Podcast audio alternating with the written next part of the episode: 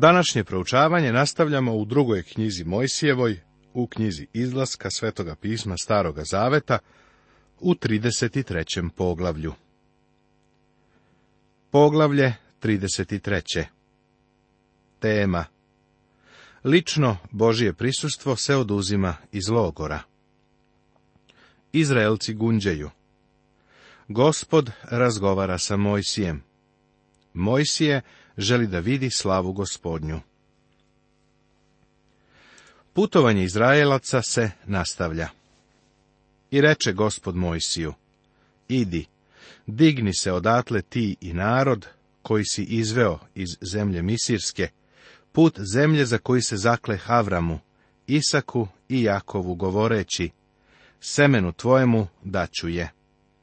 I poslaću pred tobom anđela, i izagraću Hananeje, Amoreje i Heteje, i Ferezeje i Jeveje i Jevuseje. Bog priprema narod da uđe u zemlju. U knjizi brojeva, u četvrtoj knjizi Mojsijevoj, vidjet ćemo ih kako nastavljaju svoj put kroz pustinju. Levitska knjiga, treća knjiga Mojsijeva, predstavlja nastavak uputstava za službu u šatoru od sastanka, koji su upravo postavili u drugoj knjizi sjevoj. I odvešću vas u zemlju, gde teče mleko i med, jer neću sam ići s tobom, zato što si narod tvrdovrat, pa bih te mogao satrti putem. A narod, čuvši ovu zlu reč, ožalosti se, i niko nemetnu nase svojega nakita. Ovaj nakit, kao što smo već vidjeli, bio je neznabožački. Njihove minđuše, na primjer, pokazivale su da još uvek obožavaju egipatske bogove. Minđuše su bile znak toga. Ovo je vrlo slično nošenju krsta u vidu hrišćanske identifikacije, iako je to danas postalo besmisleno i beznačajno. Jer gospod reče Mojsiju, kaži sinovima Izraeljevim, vi ste narod tvrdovrat. Doći ću časom usred tebe i istrebit ću te, a sada skini nakit svoj sa sebe i znaću šta ću činiti sa tobom. Ovo već treći put Bog Izraelce naziva tvrdovratim narodom. Bog im jasno pokazuje da on nije došao da ih izbavi zato što su bili nadmoćni. Bog od njih traži da uklone znake koji pokazuju da su oni neznabošci i pagani i da pred Bogom zauzmu određeni stav. Lično verujem da je zato krštenje u vodi bilo tako značajno u ranoj crkvi. Ono je bilo dokaz da je jedna osoba napustila stari način života i zauzela drugačiji stav. Krštenje bi i danas trebalo da bude ovakva vrsta svedočanstva. I tako, i poskidaše sa sebe sinovi Izraeljevi nakite svoje kod gore Horiva. Šator od sastanka je postavljen izvan logora. A Mojsije uze šator i razape ga sebi iza okola daleko i nazva ga šator od sastanka. I kogod tražaše gospoda, dolažaše k šator od sastanka iza okola. Kada je šator bio napravljen, Mojsije ga je postavio izvan logora, okola. Šator je u ovom trenutku samo šator za sastanak. Verovatno je i bio samo šator ili neka spoljašnja ograda koja je kasnije ograđivala šator ili mu je samo bila pridodata. I kad Mojsije iđaše u šator, sav narod ustajaše i svak stajaše na vratima svojega šatora i gledahu za Mojsijem dok ne uđe u šator.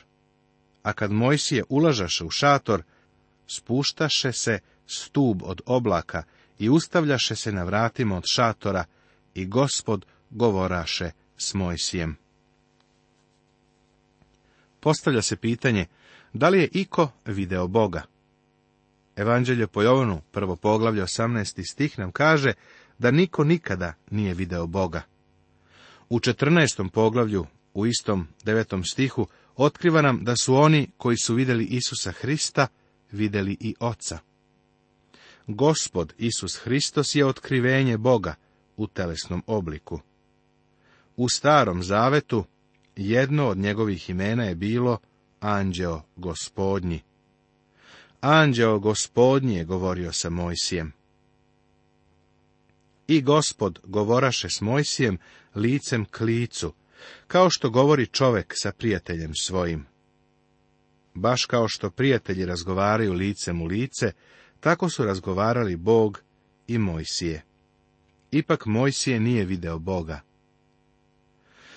Potom se vraćaše Mojsije u oko, a sluga njegov Isus, sin Navin, momak, ne izlažeše iz šatora. Ponovo se spominje Isus Navin. On je čovek koga Bog priprema da nasledi Mojsija. Mislim da u to vreme niko to nije pretpostavljao, ali kada dođemo u knjigu Isusa Navina, vidjet ćemo da je on verovatno bio osoba sa najmanje šanse da nasledi Mojsija. Mojsijeva molitva i Božiji odgovor. I reče Mojsije gospodu, gledaj, ti mi kažeš, vodi taj narod. A nisi mi kazao koga ćeš poslati sa mnom, a rekao si, znam te po imenu i našao si milost predamnom. Ako sam dakle našao milost pred tobom, pokaži mi put svoj, da te poznam i nađem milost pred tobom. I vidi da je ovaj narod tvoj narod. Mojsije je tražio isto što i apostol Pavle u Filipljanima u trećem poglavlju. Da poznam njega. To je isto Filip mislio kada je u Jovanu 14.8 rekao, pokaži nam oca i nama je dovoljno. Verujem da svako iskreno Božje dete ima želju da upozna Boga. I reče gospod, moje će lice ići napred i daću ti odmor. A Mojsije mu reče, ako neće ići napred lice tvoje, nemoj nas kretati odavde. Mojsije je znao da mu je potrebno Božje prisustvo. Znao je da sam ne može uspeti. Jer po čemu će se poznati da smo našli milost pred tobom, ja i narod tvoj? Zar ne po tome što ti ideš sa nama? Tako ćemo se razlikovati, ja i narod tvoj, od svakog naroda na zemlji. Važno je zapaziti da je Bog od Izraelaca načinio poseban narod, i to iz vrlo određenog razloga. Crkva danas također treba da bude poseban narod. To znači da treba da smo ljudi za Boga, a ne znači da treba da budemo čudaci. A gospod reče Mojsiju, učinit ću i to što si kazao, jer si našao milost predamnom i znam te po imenu. Mojsije postaje vrlo prisan sa Bogom. Opet reče Mojsije, molim te, pokaži mi slavu svoju. Mojsije nije mogao da vidi lice Božije. A gospod mu reče, učinit ću da prođe sve dobro moje ispred tebe i povikaću po imenu gospod pred tobom. Smilovat ću se kome se smilujem i požalit ću koga požalim. Apostol Pavle u poslanici Rimljanim u devetom poglavlju koristi ovaj stih kada kaže, jer Mojsiju govori, smilovat ću se na onoga prema kome imam milosti i sažalit ću se na onoga prema kome imam sažaljenja.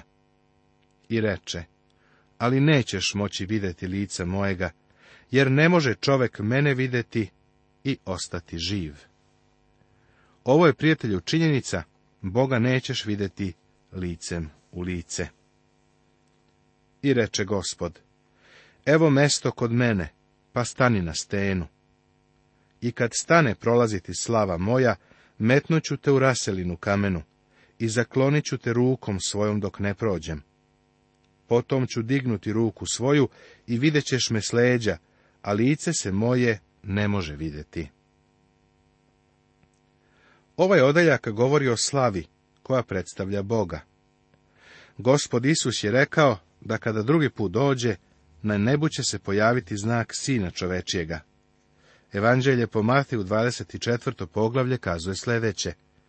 I tada će se na nebu pojaviti znak Sina čovečijeg, pa će tada zakukati sva plemena na zemlji. I ugledat će Sina čovečijeg, gde dolazi na oblacima nebeskim sa silom i velikom slavom. Mislim da je taj znak šekina slava, o kojoj se govori u drugoj knjizi Mojsijevoj, u 33. poglavlju. Kada je Hristos uzeo na sebe ljudsko telo, tu nije bilo slave. Zauzeo je skromno, ponizno mesto i slavu ostavio po strani. Ali je još uvek bio Bog. Zato je mogao da kaže, onaj ko je video mene, video je oca. Nećemo vidjeti Boga. Vidjet ćemo gospoda Isusa Hrista i on će imati ljudsko obličje, koje je uzeo ovde na zemlji. Danas on ima proslavljeno telo, a jednoga dana i mi ćemo biti kao on. Kao što je rečeno u prvoj Jovanovoj poslanici u trećem poglavlju gde piše, Dragi moji, sad smo deca Božija i još se ne pokaza šta ćemo biti.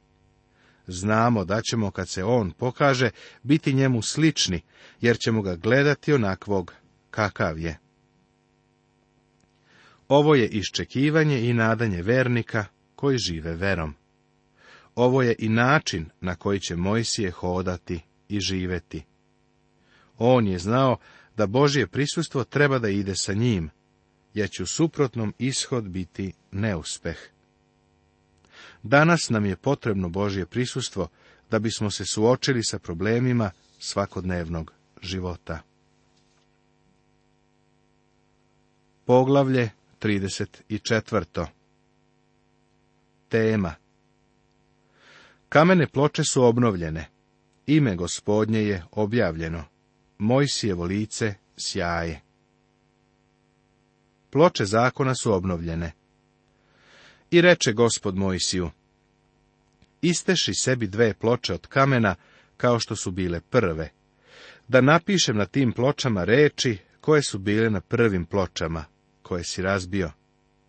I budi gotov za sutra, da rano izađeš na goru Sinajsku i staneš predame na vrh gore. Ali neka niko ne ide s tobom i neka niko se ne pokaže na svoj gori, ni ovce, ni goveda, da ne pasu blizu gore. I iste sa Mojsije dve ploče od kamena, kao što su bile prve. I ustavši rano izađe na goru Sinajsku, kao što mu zapovedi gospod, i uze u ruku svoju dve ploče kamene. Ovo su druge ploče zakona. Prve ploče je Mojsije polomio, kada je sišao sa gore Sinaj, i otkrio kako su Izraelci napravili i obožavali zlatno tele. Sada se na goru vraća sa praznim kamenim pločama. Ime gospodnje se objavljuje. A gospod siđe u oblaku i stade onde s njim i povika po imenu gospod. Gospod sada objavljuje svoje ime. Ovo je izvanredan napredak i za Mojsija i za Izraelce, jer ime ima značenje. Kada čuješ ime Cezar, na šta pomisliš? Kada čuješ ime Avram Lincoln, na šta pomisliš? Neke slike imaš u svom umu. Bog sada objavljuje svoje ime i želi da se Izraelci sećaju svojih iskustava sa njim, koja su imali otkad su izašli iz Egipta. Jer prolazeći gospod ispred njega vikaše, Gospod, gospod, Bog milostiv, žalostiv, spor na gnev i obilan milosrđem i istinom, koji čuva milost tisućama, prašta bezakonja i nepravde i grehe, koji nepravda krivoga. Bog ne pokazuje svoju milost tako što pred krivicom zatvara oči, ili što govori, jednostavno ću da zaboravim taj greh. Greh mora da se kazni, i kazna mora da se plati. Bog nikako ne opravdava krivoga. Pa šta se onda dešava? Kako svoju milost pokazuje i kako se istovremeno postara za nepravdu? Tako što je obezbedio žrtvu. Žrtve koje su Izraelci u to vreme prinosili nisu uklanjale greh, nego su ukazivale na savršenu žrtvu, na gospoda Isusa Hrista, koji je, kada je došao, svojom smrću na krstu uklonio greh. I pohodi greh je otačke na sinovima i na unucima do trećega i četvrtoga kolena. Dobro je imati na umu da danas možeš počiniti greh koji će uticati na tvoju decu, unuke i praunuke. Na fakultetu sam pohađao jedan kurs iz psihopatologije skoro da sam i prihvatio stipendiju da nastavim sa studijama iz ove oblasti. Jednoga dana smo otišli u posetu u duševnu bolnicu, u jedno mesto u Tenesi u Americi. Pokazane su nam različite forme abnormalnosti. Svi pacijenti su patili od neke duševne bolesti. Kada smo vidjeli jednu određenu grupu, član naše grupe je upitao lekara šta je prouzrokovalo tu bolest a doktor je jednostavno odgovorio gresi njegovog oca ili dede ili čak njegovog pradede. Jedan lekar u mom gradu me jednog jutra odveo u bolnicu gdje je nameravao da operiše neku slepu decu, iako im je to omogućavalo samo delimičan vid. Zašto su oslepili, pitao sam. Odgovorio je zbog greha njihovih očeva. Veruj mi, prijatelju, ne možeš nekažnjeno kršiti Božije zakone. Bog je uvek isti. Njegovi zakoni se ne menjaju. Ali hvala Bogu jer On čuva milost tisućama, prašta bezakonje i nepravde. Ako mu se samo obratimo, pronaći ćemo milost.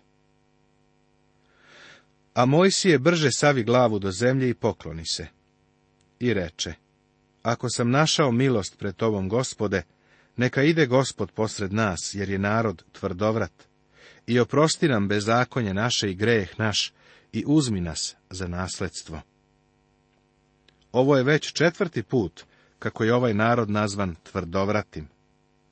Nadam se da si do sada shvatio da Bog nikada nije spasao Izraelce zato što su bili superiorni, ili zato što su bili dobri, ili što su čak obećali da će činiti dobro. Oni su jedan tvrdovrat narod. Mojsijevo poslanje je obnovljeno. A on reče, evo, postavljam zavet. Pred celim narodom tvojim učinit ću čudesa, koja nisu učinjena nigde na zemlji ni u kom narodu, i vidjet ćete delo gospodnje sav narod među kojim si, jer će biti strašno šta ću ja učiniti s tobom. Reč strašno znači izazivati užas. Ova reč nema isti smisao kada mi u današnjem rečniku kažemo strašno. Bio je to deo Božjeg oklopa ili zaštite koju je Bog stavljao oko svog naroda.